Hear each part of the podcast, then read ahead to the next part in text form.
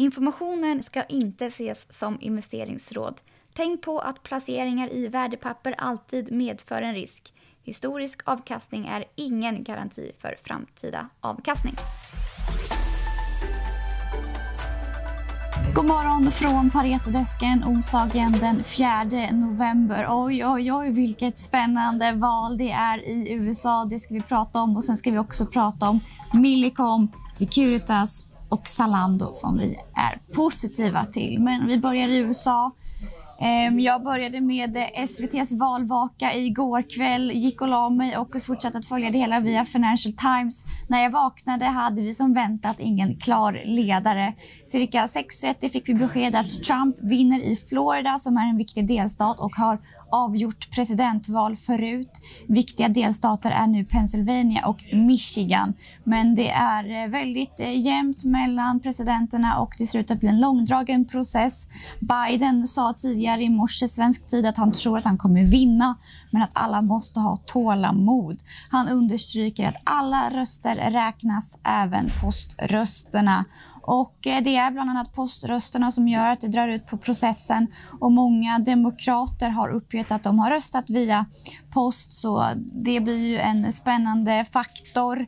Även eh, Pennsylvania ser ut att ha pausat sin röstökning så det kommer ju också att eh, bidra till att processen blir längre. Eh, Trump gick precis ut och pratade nu 8.21 ungefär svensk tid och han eh, ja, gick väl i princip ut och eh, utropade sig själv som vinnare. Men vi får se hur det går under dagen helt enkelt. Hur hanterar marknaden det här då? Jo, de börserna handlade sig upp igår inför valet och eh, terminerna har handlats upp nu tidig natt morgon. Men nu ser det ut som att Europaterminen vänder ner och vi väntar oss få en positiv börsöppning först i Sverige men nu väntas eh, Stockholmsbörsen öppna på minus. Asienbörserna handlas upp under morgonen.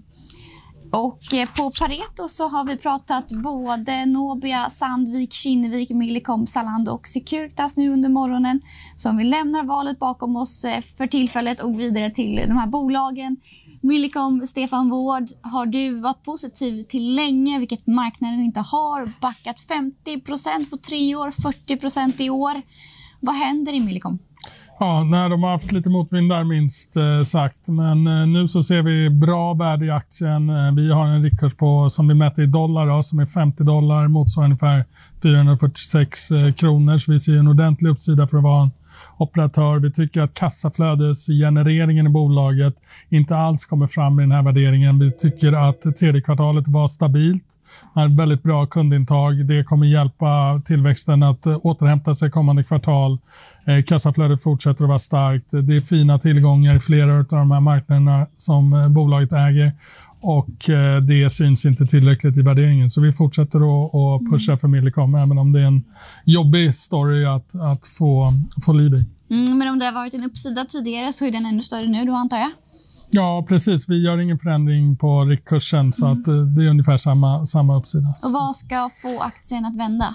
Eh, de ska fortsätta och, och, rapportera den här typen av utveckling som vi såg nu, att återhämtningen är på, på väg, att kassaflödena kommer igenom, så tror vi att marknaden efterhand kommer, kommer att ge dem, ge dem en bättre värdering då för kassaflödena. Man ska också säga att mycket av den här underperformance eh, relaterar till, eh, det har varit en del till eh, när Kinnevik gjorde sin exit. De återhämtas aldrig riktigt efter det. Mm. Det tar lång tid och så vidare. Och Sen så har de haft lite valutakurser emot sig som nu inte är lika, lika jobbesvärliga som de var i början av året.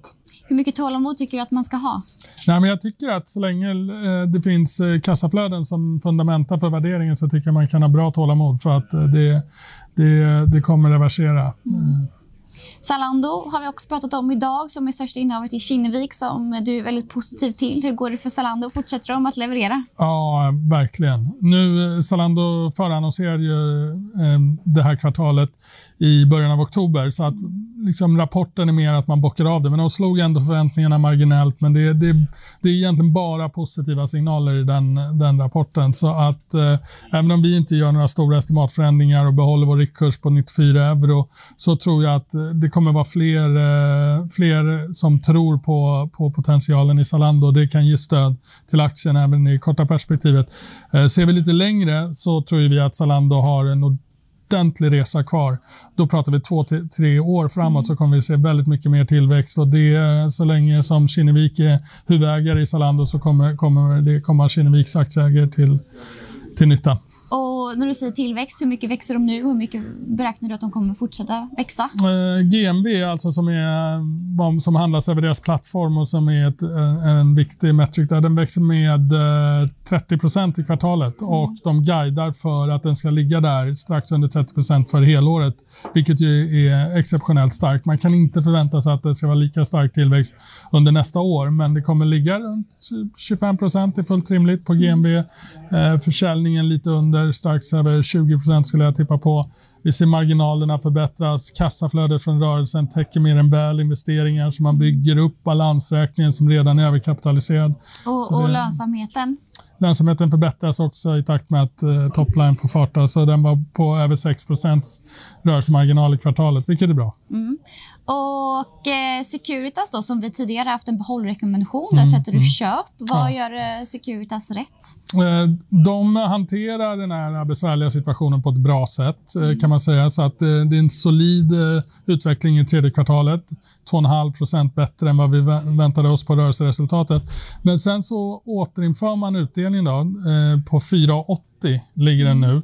Eh, så då får man ett yield-support där och man säger att man även kommer återuppta förvärvsstrategin. Historiskt sett så, så levererar de ju bra organisk tillväxt men ungefär lika mycket som den organiska tillväxten brukar tillkomma genom förvärv. Då. Mm. och Det har varit en viktig värdeskapare för bolaget historiskt sett och nu eh, går man på den strategin igen för den har varit på paus under, under pandemin. Eh, och det, vi ser de två sakerna som, som eh, huvudargument till att ta upp riktkursen och eh, öka rekommendationen. För det är någonting som bolaget är bekväm med, att gå tillbaka till det. Då ser de att marknadsutsikterna förbättras, den finansiella ställningen är, är stark. Då kommer man kunna utnyttja eh, nuvarande marknadsläge att stärka sin position ytterligare tror vi. Och det, det kommer säkert vara bra för aktieägarna på lite sikt. Mm, och vad pratar vi för direktavkastning?